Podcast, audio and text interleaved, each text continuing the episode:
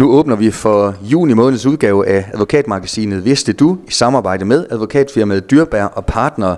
Advokat Birte Dyrbær, vi skal tale fremtidsfuldmagter. Det er blevet en stor vare på din hylde efterhånden. Kan man ikke sige det sådan, hvis man skulle lege, at det her var en købmandsbutik? Jo, testamenter og fremtidsfuldmagter, det er virkelig en stor vare på hylden, fordi der er så mange, der efterspørger det. Så det er noget af det, vi laver rigtig, rigtig meget af. Og øh, derfor så vil jeg også lige slå et slag her i radioen i dag, og det er fordi, jeg vil sige, at man skal huske at komme i tide. Og det er med hensyn til både at få lavet testamente og fremtidsfuldmagt, fordi man skal jo være det, der hedder testamentshabil. Det vil sige, at man er ved sine fulde fem.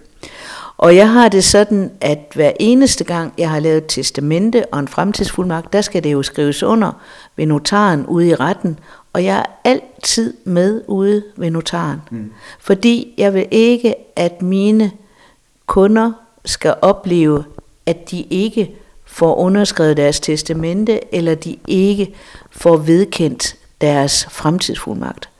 Og øh, grunden til, at jeg nu siger det igen og lige tager fremtidsfuldmagterne op, det er, at jeg desværre har oplevet her nogle gange på det sidste, at jeg har set nogle mennesker, der er kommet alene til notaren, altså uden advokat, og har måttet gå derfra, uden at få gennemført det, de gerne ville. Og det er jo en frygtelig situation, at man kommer, og man i den grad har brug for, for eksempel at få lavet både fremtidsfuldmagt og testamente, og så bliver afvist af notaren, fordi man ikke kan, eller notaren vurderer, at man ikke kan. Og der er jo mange, der kan, det kan være mange grunde. Det er fordi, det kunne være, at man er meget dement, eller man har fået en blodprop, der gør, at man ikke ved, hvad, hvad, hvad det er, det går ud på, det her. Man ved ikke, hvad testamentet går ud på, man ved ikke, hvad fremtidsfuldmagten går ud på. Men sådan som jeg så det menneske, der blev fik afsat, så mener jeg faktisk måske godt, at man kunne have fået det igennem, mm. hvis man havde forberedt sig.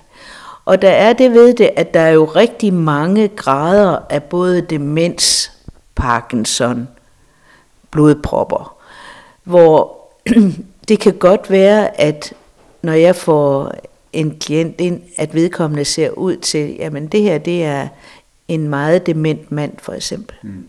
Men når jeg så får talt med ham, så er han ikke så dement. Han kan sige sit navn, han kan sige sit CPR-nummer, han ved, hvor han bor, og han ved, hvad han vil. Mm. Han vil have lavet et testamente til sin søster, og han vil have lavet en fremtidsfuldmagt, hvor søsteren kan gå ind og hjælpe ham den dag, hvor han bliver helt dement. Mm. Og det er et spørgsmål om, at man skal give sig tid til at tale. Og jeg har altid et, et møde med folk med både testament og fremtidsfuldmagt på mindst en time, hvor vi får det talt rigtig godt igennem. Og jeg har da også en enkelt gang måtte sige, nej, desværre, det kan vi ikke, fordi vedkommende er simpelthen så dement, at man ikke ved, hvad det er. Men det er jo advokaten, der i første omgang vurderer, at det her et menneske, der kan få lavet et testamente eller en fremtidsfuldmagt, eller er vi desværre kommet for sent. Mm. Og det er jo også der, at notaren ved, at, at, at jeg som advokat har, har en lang samtale med vedkommende, så jeg kan vurdere, kan vedkommende eller kan vedkommende ikke, ved vedkommende, hvad det her det går ud på. Mm. Og der er det jo rigtig vigtigt, at når man kommer ind til notaren, at jeg så kan sige til notaren, nu skal du høre, Erik her, han har Parkinson. Så han taler langsomt, og det kan også godt være, at hans mimik er øh, lidt forsten, for det bliver ens mimik, når man har Parkinson. Men han ved, hvad det går ud på. Han øh, ved helt, hvad det er. Så hvis du nu spørger, og Erik får tid til at svare, så vil du forstå, at han godt ved, hvad det er, han skal skrive under på, og han godt ved for eksempel, hvem det er, han giver fuldmagt til i en fremtidsfuldmagt. Mm. Det er så vigtigt, at man giver sig tiden, og det er så vigtigt, at jeg som advokat kommer med til notaren, og det gør jeg som sagt hver eneste gang med et testamente, og hver eneste gang med en fremtidsfuldmagt, sådan at jeg ved, at det hele går igennem, som det skal. Hmm. Vi har jo også situationer, hvor for eksempel folk er ved deres fulde fem, hvis man nu kan sige det på den måde, at, at man er testamentshabil, men hvor man er så syg, at man ikke kan komme ind til notaren. Fordi det er jo i retten ude i, her i Jørgen, mm. og det er ude i det gamle Næsli. Men der er det, notaren, notaren er utrolig service-minded. Der vil de godt tage med for eksempel på sygehus, hvis man er så syg, at man ikke kan komme ind. De vil godt tage med hjem i hjemmet, hvis man ligger der og, har, og er så syg, at man ikke kan, mm. kan komme ind til på kontoret. Og kan man, for der er jo også muligheder for måske, at man kan for eksempel blive båret ud i en bil. Det har jeg også været, været med til, at vedkommende ikke kan gå, og man kan bæres ud i en bil. Man kan jo ikke komme ind på notarkontoret. Mm.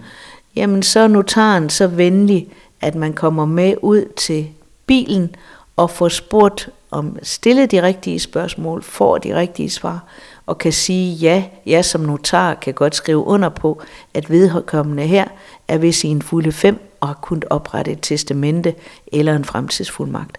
Og jeg vil sige, at vi, vores øh, notar er meget, meget service-minded, men det er jo selvfølgelig også fordi, vi kun, vi misbruger det aldrig. Aldrig nogensinde.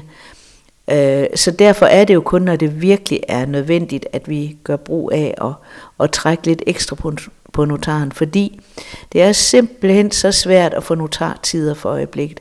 Alle vil have lavet testamenter, alle vil have lavet fremtidsfuldmagter, og allerede nu der er vi henne først i september, før man kan få en tid. Så det er, det er vigtigt, at man ikke udnytter det, øh, men kun gør det, når det virkelig er nødvendigt, og der får man al den hjælp, man skal have ved mm. vores notar her. Ja, hvis man går alene til notar, hvis man vil have lavet en fremtidsfuldmagt, og den ikke går igennem, selvom man måske er habil nok til det, jamen det kan jo selvfølgelig betyde et, et rigtig træls nederlag for den enkelte. Det kan det. Og det er jo også derfor, at vi øh, de enkelte gange, det er meget få gange, jeg har været udsat for det, at, at jeg har måttet sige, jamen, jeg tror desværre ikke, jeg tror desværre, I kom for sent, men vi kan godt prøve, men så må I jo være forberedt på, at, der, at det måske giver et nederlag, fordi det er jo ikke spor sjovt, selv om man er dement og måske ikke forstår så meget, at man får at vide, at man må gå med uforrettet sag. Mm. Det er jo det er jo et nederlag, som lige ingen af os har lyst til at få. Så det, derfor er det jo også så vigtigt, at, at, at jeg er med og kan give de forklaringer, der skal til, sådan at vi stille og roligt og med al den tid, der skal tages, får det igennem, så vi øh, det menneske kan få ro i sjælen, at nu er det lavet, så hans søster arver pengene, eller nu er det lavet, så fremtidsfuldmagten er til hans søster. Altså det er jo så vigtig en ting, og det har så stor betydning, fordi hvis man nu tænker på, hvad der sker, hvis man ikke har fået lavet en fremtidsfuldmagt. Der kunne jo ske det for eksempel, at man så blev så syg, at, så demens for eksempel, at man kommer på plejehjem, og man ejer et hus. Men man kan ikke sælge sit hus, fordi man har ikke fået lavet fremtidsfuldmagten. Og det er dyrt at være på plejehjem. Det er også dyrt at have et hus, der står tomt, mm.